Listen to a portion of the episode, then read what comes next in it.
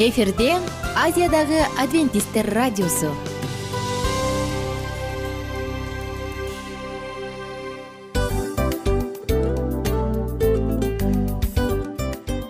Достор салют. Баардык сүйүктүү угармандарыбызга салам айтабыз. Кутман күнүңүздөр менен. Ден соолук өмүрдүн булагы демекчи саламат саамы программасында баарыңыздарды көргөнүбүзгө абдан кубанычтабыз. Анда алгач амандашып өтөлү арбаңыздар деп. Ден соолугуңуздар кандай элибизде көбүнчө ден соолук кандай дегенде эле жакшы деп жооп беребиз э ооруп турсак дагы жакшы дейбиз. Анан мен муну айтып ойлойт элем бул абдан сонун сөз депчи анткени бул жакшы деген үмүт да э ооба. баары жакшы болот баары сонун. Үмүттөнүп атып эле өзүбүздү өзүбүз дарылап коебуз. Анысы кандай? Сиздин дагы ден соолугуңуз жакшы беш деген үмүттөбүз чындыгында ден соолук бул өмүрдүн булагы деп бекеринен айтылган эмес деп ойлойм. Кыргыз элинде анткени эгерде ден соолук жок болсо анда адамдын жашоосунда калган баардык керектүү маңыздуу нерселер өзүнүн баалуулугун жоготуп коет. Ошондуктан ден соолук бул эң керектүү нерсе. Ооба туура айтасың кесиптешим чынында ден соолугуң жок бир эки үч күн ооруп калсаң эле кандай болуп калат? Жашоодо көз каранды болуп каласың көп нерсеге жетишпей каласың көп нерсени кыла албай каласың жада калса эчке дүкөнгө да чыга албай каласың. Туптуура анан ден соолук болсо демек биз биздин бактыбыз тоодой деп койсок болот. Анда достор саламат рубрикабызды баштайлы. Алдыда өзүңүзгө керектүү болгон сонун кеңештерди уга аласыздар. Мына ошондуктан биз менен бирге болуңуздар. Ал эми биз болсо милан жана айнура.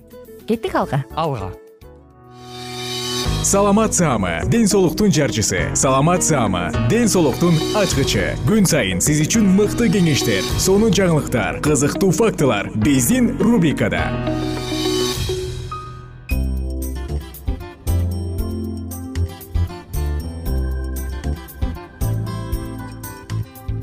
Кутман күнүңүздөр менен достор жалпыңыздар менен дал ушул жыштыктан кайрадан амандашканыма абдан кубанычтамын жана аты жөнүм айнура миназарова бүгүнкү саламат саама рубрикасында сиздер менен бирге колтуктарга кам көрүү жөнүндө сөз кылабыз. Тыңдап жатканыңыз биздин сонун радио аба толкундарында жана кайрадан эле саламаттуу дене циклин андан ары улантабыз.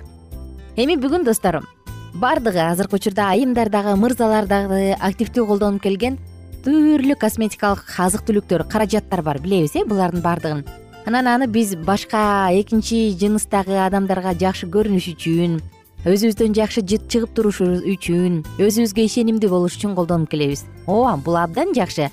Демек биз азыркы учурда бир орунда турбастан жалпы адамзатты өнүгүп жатканынан дагы дал ушул косметикалык каражаттар күбөлөндүрөт. Деги эле достор көбүнчө биз баягы ичибизде эмне болуп атса ал акырындан сыртыбызга да чыгат эмеспи. Эгерде колтуктун алды тердеп турса анда ал жакта кызыл чекиттер пайда болуп кетет же кийимибиздин сыртынан суу болуп көрүнүп калат же жыттанат айтор мунун баарын санап отурсаң өтө эле көп. Мына ошондуктан бүгүн сиздер менен бирге колтуктарга кантип кам көрүш керек? Мына бул жөнүндө сөз кылабыз. Бул дагы гигиенанын бир бөлүгү. Ошондой эле достор колтукка өзгөчө мамиле кылыш керек. Анткени ал жерде лимфатикалык узел деп коет эмеспи байламталар бар. Мына ушулардын баардыгын тең эске алып ага туура кам көрүүнү азыртан эртеден эле баштабасак болбос. Достор эмне үчүн дененин деликаттуу зонасы колтукка кам көрүш керек? Балким сиз менден ушинтип сурарсыз. Эмне себептен десеңиз анткени анын териси өтө жука жана сезимтал. Албетте эгерде колтукка өскөн жүндөр жөнүндө айтсак башка кеп бул чоң минус э? Колтукка жүн өсө берет өсө берет. А эгерде анын аркада косметикалык каражаттарды сиңирип алаарын айтсак анда бул чоң плюс эгерде жаштайдан эле колтукка кам көрбөсөк улгайып калган кезде ал шалпайып карарып жана көрксүз дагы болуп калат. Эми достор жалпы эле колтуктун зонасы жөнүндө айтсак бул өтө эле жумшак келет өтө эле сезгич келет. Мына ошондуктан туура дезодоранттарды тандаш керек. Кандай дезодоранттарды күнүгө колдонсо болот кайсыларын колдонбосо болот? Негизи эле кандай гана дезодорант болбосун бирок күнүгө колдонуунун кереги жок. Ошондуктан абайлаңыз көбүнчө биз кандай кылабыз баасына карап туруп брендин карап туруп о сонун экен деп алабыз э. Бирок бул туура эмес. Бул анча туура эмес болуп калат. Андан мурун сиз товардын курамында эмне бар? Ошого көңүл буруңуз. Бул маанилүү сатып алаардын алдында анын курамында эмне бар эмне кошулган эмненин негизинде жасалган сөзсүз түрдө байкаңыз. Кээ бир дезодоранттардын курамында э, антибактериалдык микроэлементтер бар.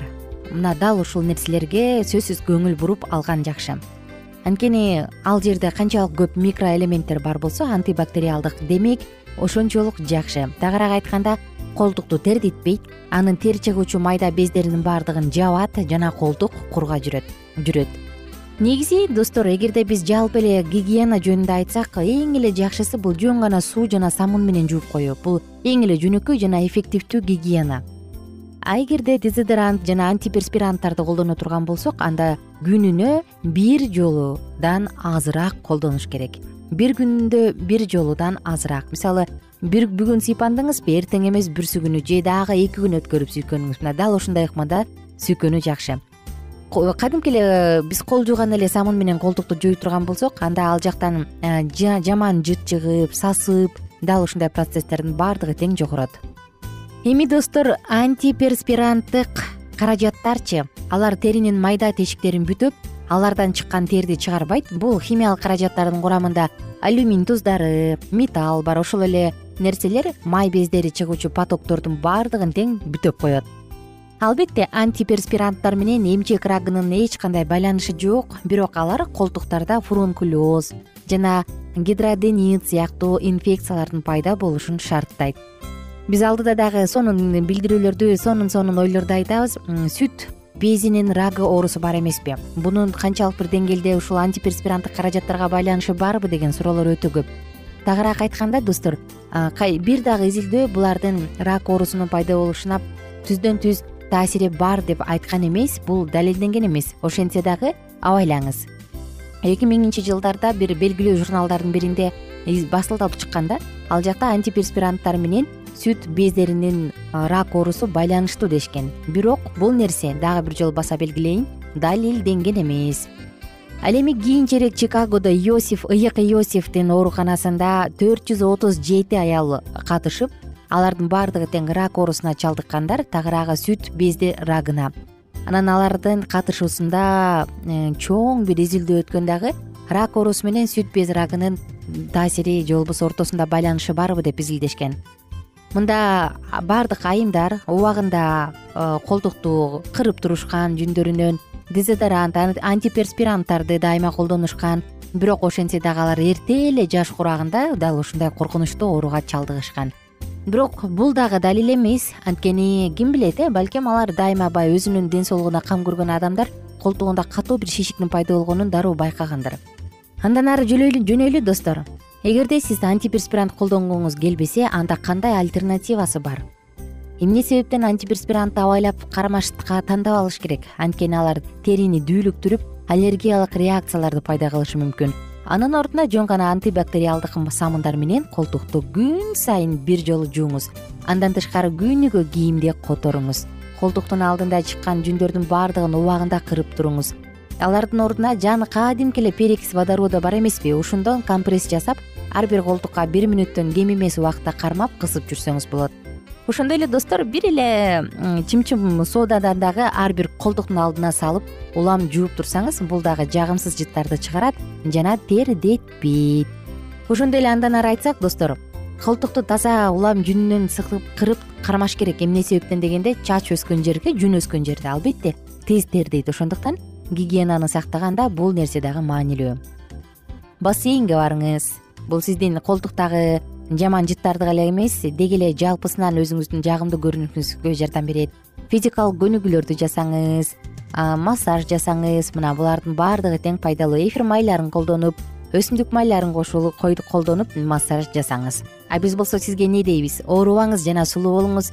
Гигиена дайыма сизде дайыма сакталсын. Анткени биздин гигиена адамдардын бизге болгон мамилесин аныктайт эмеспи кайрадан жалпыңыздар менен амандашканча күнүңүздөр көңүлдүү улансын. Саламат саама ден соолуктун жарчысы. Саламат саама ден соолуктун ачкычы. Күн сайын сиз үчүн мыкты кеңештер сонун жаңылыктар кызыктуу фактылар биздин рубрикада. Салют замандаштар баарыңыздарга ысык салам дил маек программабызга кош келиңиздер. Дил маек рубрикасы дегенде эле бул эмне болгон дил маек ким менен маектешебиз деп сурайт болуш керек угармандарыбыз бул рубриканы кыскача тааныштыра кете турган болсок ар тарап кесип ээлеринен болгон сонун интервью кеңештер бар. Ооба. жылдыздар менен болгон маек бар. Аталарыбыздын агаларыбыздын чоң аталарыбыздан сонун кеңештер бар. Ошондой эле эже сиңдилердин кеңештери бар айтор. Баардык кызыктардын баары алдыда. Негизи эле адам баласы бир кимдир бирөөнө ишенип сырын ачкысы келет эмеспи э мындай баарлашууга жакын келебиз го. Албетте негизи бир жерге отуруп алып кенен шашпай баягы жүрөктөн жүрөккө ачып сырларыбызды ар кандай көйгөйлөрүбүз менен бөлүшүп баягы чын жүрөктөн маек курганды кимибиз сүйбөйбүз э? Ооба десең ал нерсеге суусап да келебиз да. Ооба кээ бирде адамга чындыгында баягы э, ысык маек баягы жылуу маек жетишпейт да. Ошондуктан биз ушул рубриканы ойлоп тапканыбызда эң биринчи эле достор сиздер менен чын жүрөктөн бир маңыздуу темаларды козгоп кеткени э, кааладык. Ошондуктан ушундай сонун бир рубриканы тартуулап жатабыз. Анын үстүнө радио дагы сонун дос да анткени э, мындай учурда досуңа айтсаң досуң досуна айтат досу досуна айтат да анан бүт өлкө билип калышы мүмкүн го радио болсо сени сатпаган сенин айыбыңды ачпаган. Сенин сырыңды эч кимге айтпаган сонун дос мына ошондуктан биздин алдыдагы айта турган кеңештерибизди биздин досторубуздун кеңештерин угуп анан ал жака пикириңизди дагы калтырып кайрадан биз менен байланышсаңыздар болот. Деги эле жашооңузга эгерде кичине болсо дагы өзгөрүү алып моралдык жактан нравовик жактан сонун бир кеңештерди алсаңыз демек биз максатыбызга жеттик. Ооба. Чыңгыз атабыз улуу жазуучу э, чыңгыз айтматов айткандай адам болуу бул күнүмдүк процесс экен. Күн сайын адам бойдон калуу бул адамзатка эң эле кыйын дейт э? э эң кыйын дейт. Чындыгында бунун э, негизинде адамдын эң баягы сапаттуулугу адамдын э, адамгерчилиги жана көптөгөн керектүү нерселер. Мына ошол темалар дагы бизде ушул дил маекте биз аларды да козгойбуз. Ден соолук жөнүндө да сүйлөшөбүз. Сөзсүз түрдө анан милан мырза негизи айтып коюшат го. Биз көбүнчө эмнени ойлонсок? Ошол нерсеге карата иш кылабыз го. Ооба. Анан анысы кандай? Балким бул радио баракчада кимдир бирөөнүн оюн текшергенге жардам берет кимдир бирөөнүн жүрөгүн текшергенге жардам берет. Балким кимдир бирөөгө жашоонун маңызын тапканга жардам берет айтор кызыктын баары алдыда бул жөн гана кыскача жарнама анда угармандарыбыздын баардыгын кийинки рубрикабызга чакырабыз. Ал эми кызматта маңдайымда отурган кесиптешим милан жана мен айнура. Анда эмесе биз даярдаган терең терең ойлор менен таанышууга кеттик. Алыс алыс баралык. Анда эмесе достор биз менен бирге болуңуздар. Алдыда эң кызыктуу маалыматтардын баардыгы бир нече мүнөттөр бою жалгыз гана сизге арналат. Мына ошондуктан жакшы маанай менен угууну каалайбыз. Үн алышканча жөнөдүк. Ар түрдүү ардактуу кесип ээлеринен алтын сөздөр жүрөк ачышкан сыр чачышкан сонун маек дил маек рубрикасында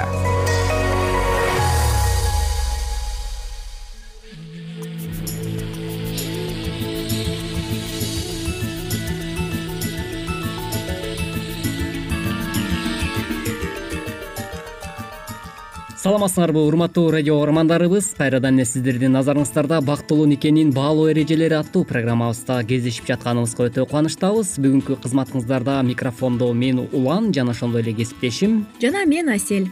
Саламатсыздарбы? Анда эмесе бүгүнкү программабыздын чыгарылышында кайрадан эле биз сиздер менен өткөн берүүбүздү эсиңиздерге сала кетсек биз ушул үй бүлөлүк жашоодогу э, чыныгы бакытты э, сакташ үчүн э, айрым айымдар эмнелерди кылыш керек? Ушул туурасындагы айрым бир кеңештерге көңүл буруп өткөнбүз. Бүгүн деле дал ушул жаатта программабызды улантмакчыбыз. Андыктан биздин ободон алыстабай ардактуу айымдар жана мырзалар биз менен биргеликте болуңуздар. Ардактуу айымдар ишениңиз. Бирок сүйүүсүн текшериңиз. Татыктуу кызганыч сүйүүнү бекемдейт. Андыктан сизге баары бир эмес экенин сездириңиз. Ал кимдер менен мамиле түзүп кимдер менен иштегени тууралуу биле жүрүңүз. Бирок чектен ашыкча кызганып уруш талашка чейин жеткирбеңиз. Албетте мындай нерселерди эске алуу менен биргеликте дагы урматтуу айымдар жана мырзалар жалпыңыздарга эле бирдей тиешелүү экен. Себеп дегенде э, кызганычтан биз эч кандай майнап таппайт экенбиз. Тескерисинче биз дал ушул бактылуу никенин э, талкаланышына жол ачып коюшубуз дагы ыктымал. Себеп дегенде бул кызганычтын арты ар кандай э, өкүнүчтүү тагдырлар менен коштолуп калышы дагы мүмкүн.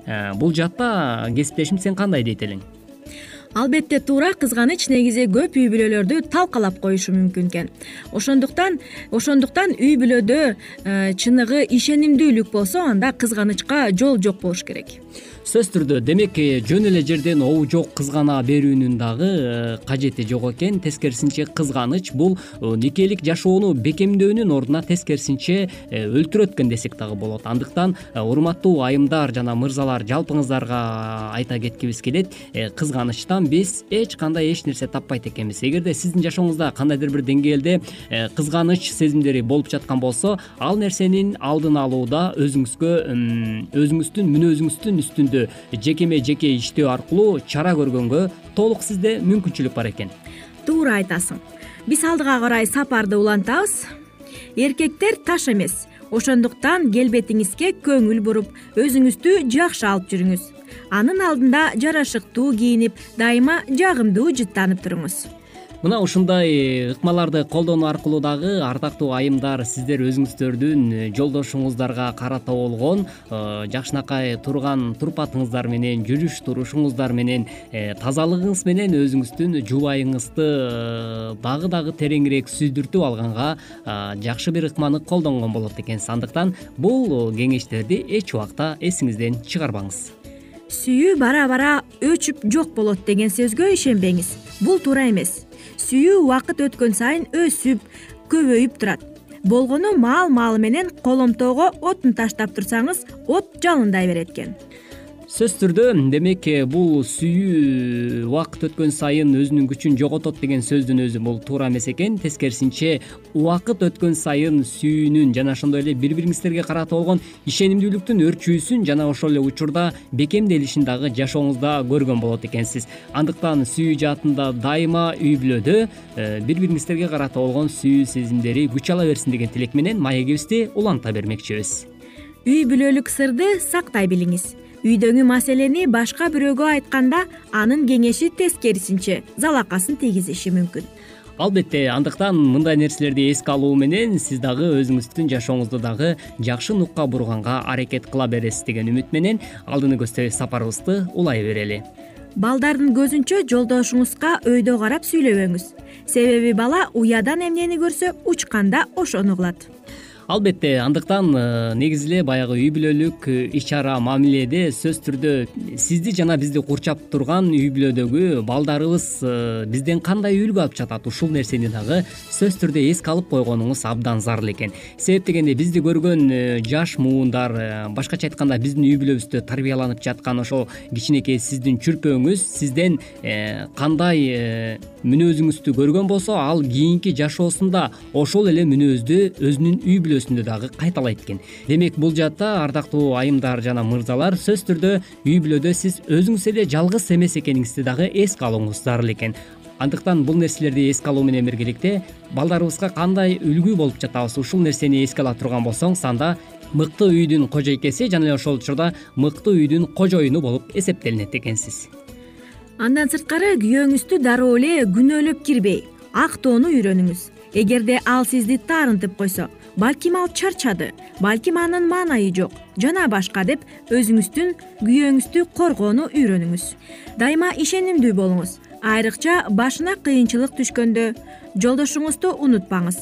Жолдошуңуздун жападан жалгыз жакын адамы сиз экениңизди унутпаңыз чындап эле өмүрлүк жарыңыз э, экөөңүз гана биригип бир жуп болгон соң бир гана ошол сиздин э, жолдошуңуз сизге гана таандык экенин эч убакта эсиңизден чыгарбооңуз зарыл экен. Бул жерде баягы жалгыз гана айымдар эле эмес эркектерге дагы тиешелүү деп дагы айтып кеткибиз келет. Себеп дегенде мырзалар сиздер дагы баардык нерсени эле өзүңүздүн жубайыңызга жүктөп койбостон бул милдетти өзүңүз дагы колго алып э, ушундай мамилелерди сиз дагы өзүңүздүн э, жубайыңызга туура мамиле жүргүзө билген болсоңуз анда сиздердин никеңиздердин пайдубалы күндөн күнгө бекемделе бермекчи. Жолдошуңуз эс алып жатканда балдарын ызы чуу салуусуна жол бербеңиз. Үйүңүздүн дайыма таза иреттүү болушуна көңүл буруңуз. Мал маалы менен үйдөгү буюмдардын ордун алмаштырып турсаңыз абдан жакшы болот. Мүмкүн болсо бул иш менен чогуу алек болуңуздар анткени чогуу жумуш жасоо түгөйлөрдү бири бирине жакындатат эмеспи. Албетте үйдүн дагы тазалыгы абдан маанилүү эмеспи. Андыктан бул нерселерди дагы сөзсүз түрдө биздин э, ардактуу бийкештер жана ошондой эле айымдарыбыз сөзсүз түрдө эске алат деген ойдобуз. Демек ардактуу айымдар жана мырзалар ушуну менен бизге бөлүнгөн убактыбыз дагы өз соңуна келип жетип калды. Бүгүнкү программабыздын чыгарылышында сиздер үй бүлөлүк бакытты сакташ үчүн айымдарга берилген бир нече кеңештерди бүгүнкү программабызда уга алдыңыздар. Бүгүнкү уктурууга назар салганыңыздар үчүн ыраазычылык билгизүү менен биргеликте жашооңуздарды дайыма жакшылыктар гана коштой берсин деген тилек менен бүгүнкү программабызды жыйынтыктамакчыбыз эмки берүүбүздөн кайрадан эле сиздер менен дал ушул аба толкундан үн алышканча сак саламатта болуңуз ар түрдүү ардактуу кесип ээлеринен. Алтын сөздөр жүрөк ачышкан сыр чачышкан сонун маек. Дил маек рубрикасында.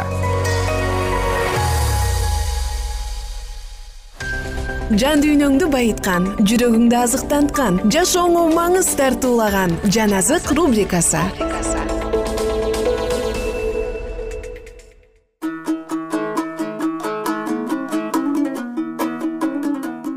кутмандуу күнүңүздөр менен айымдар жана мырзалар жалпыңыздар менен амандашып жан азык рубрикасын баштайбыз. Бүгүнкү уктурууда улуу сиздер менен бирге улуу чындыктарды ачып берген эң сонун куткарылуу тарыхы деп аталган китепти бирге улантабыз.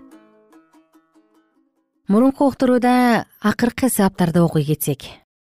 Жана кудай теңир адамды чакырып ага айтты сен кайдасың?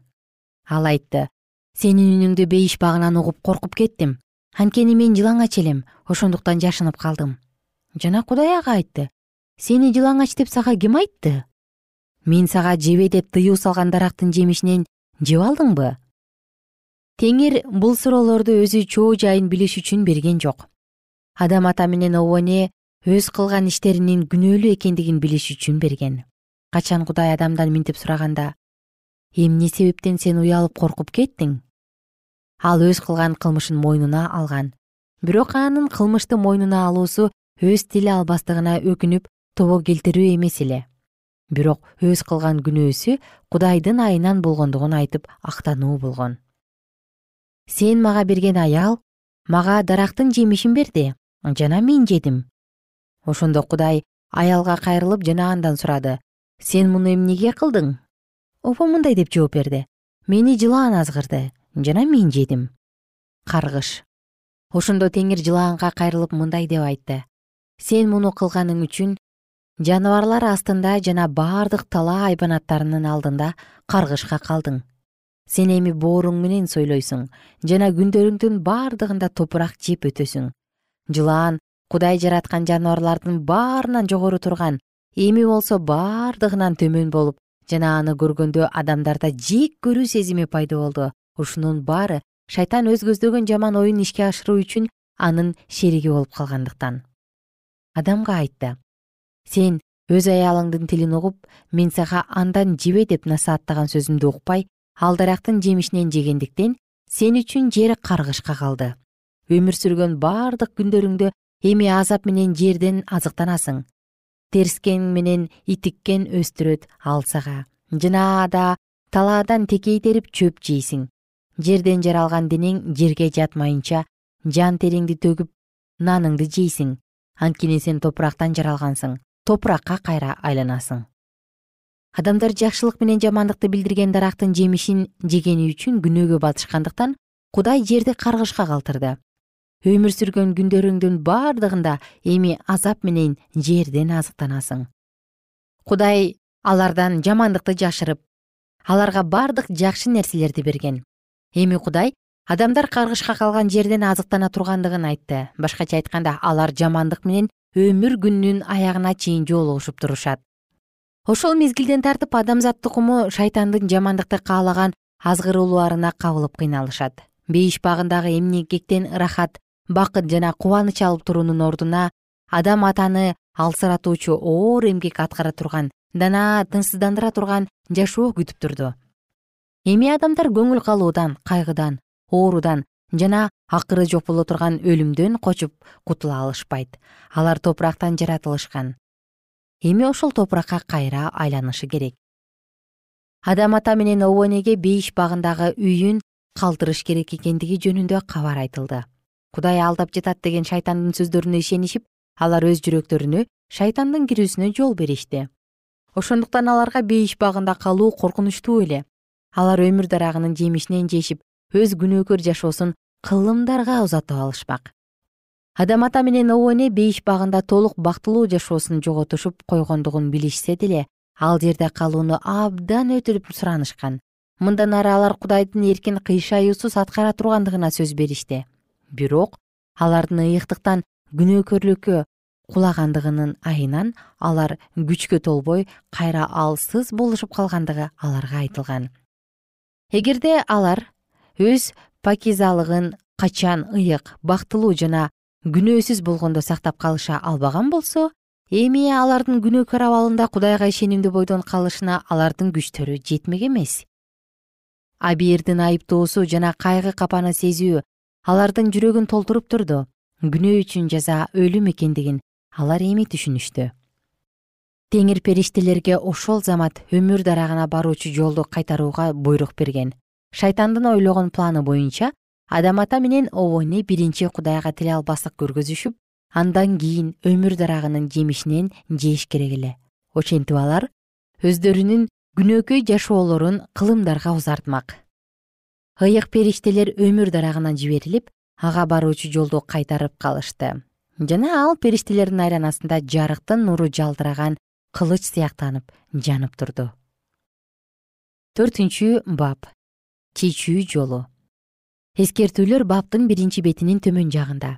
Берилген бап жаратылыштын башталышы китебинин үчүнчү бап он бешинчи жыйырма биринчи жыйырма төртүнчү аяттарына негизделген адамдар күнөөгө баткандыгын жана кудай жараткан дүйнө эми өлө турган бактысыз оорукчан кайгы капага кабылышкан адамдарга толо тургандыгын билишкенде асман тургундары абдан кайгырышты. Жана кудайдын буйруктарын бузгандарга эч кандай куткарылуу жок. Адамдын тукумунун бардыгын эми өлүм күтүп турат. Ошондо ыйса машаяк асман аскерлеринин бардыгына адамзат тукумун куткаруу үчүн жол табылгандыгын жарыялайт.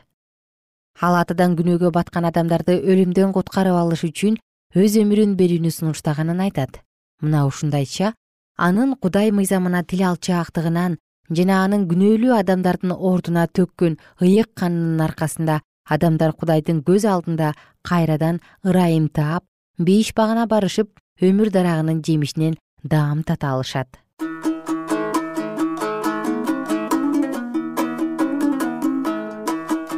Ардактуу достор мына ушул жерден биз бүгүнкү уктуруубузду жыйынтыктайбыз жалпыңыздарга кааларыбыз.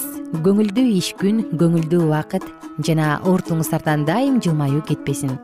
Кандай гана учур болбосун кайсы гана учур болбосун дайыма абийирдин айтканын ыйык рухтун айтканын угуңуздар жана сиз дагы түбөлүк өмүргө түбөлүк куткарылууга ыйса машаяк берген өмүргө ээ болуңуздар. Жалпыңыздар менен кайрадан амандашканча сак саламатта туруңуздар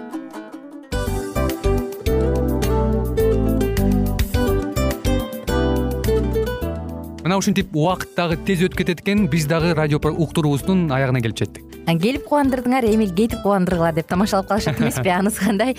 Радио баракчабызды программабызды азыр эле баштап аткандай болдук элек мына соңуна келдик э? Негизи убакыт э, билинбей өтүп кетет экен мен дагы э, убакыт дегенде бүгүн бир адам менен сүйлөшүп калдым. Анан убакыт бул мүмкүнчүлүк деп айтып өзүмө өзүм айтып алып анан мага өзүмө эле кайра ачылыш болду да чын эле Э, карап отурсаң ошол эле жыйырма төрт саат ошол эле жарым саат кайталанып атат бирок сендеги мүмкүнчүлүк жок ошол кой берилип кетти? Анысы кандай? Бүгүнкү сонун убактыңызды алтындай болгон жарым саатыңызды бизге бөлүп арнаганыңыз үчүн ыраазычылык айтабыз. Анан жашооңуздун кайсы бир сферасын өзгөртө турган сонун пайдалуу кеңеш алган болсоңуз анда биз максатыбызга жеттик. Анан ушул нерсени кылбасам десеңиз ошол өзгөрүүлөрдү кичинекей кадамдардан баштап иш жүзүнө ашырыңыз дагы жашооңузда чоң чоң ийгиликтерге жетиңиздер чын жүрөктөн ар бир берилген кеңештер сөздөр сиздерге пайдасын алып келет деп ишенебиз жана кийинки уктурууларда сөзсүз түрдө чыдамсыздык менен сиздерди күтөбүз. Сагынычтуу салам айтып кайрадан дал ушул жыштыктан баардыгыңыздарды тосуп алганча. Кызматта мен айнура жана кесиптешим милан. Анда кол алайбыз жалпыңыздарга ийгиликтүү күн. Саламатта калыңыздар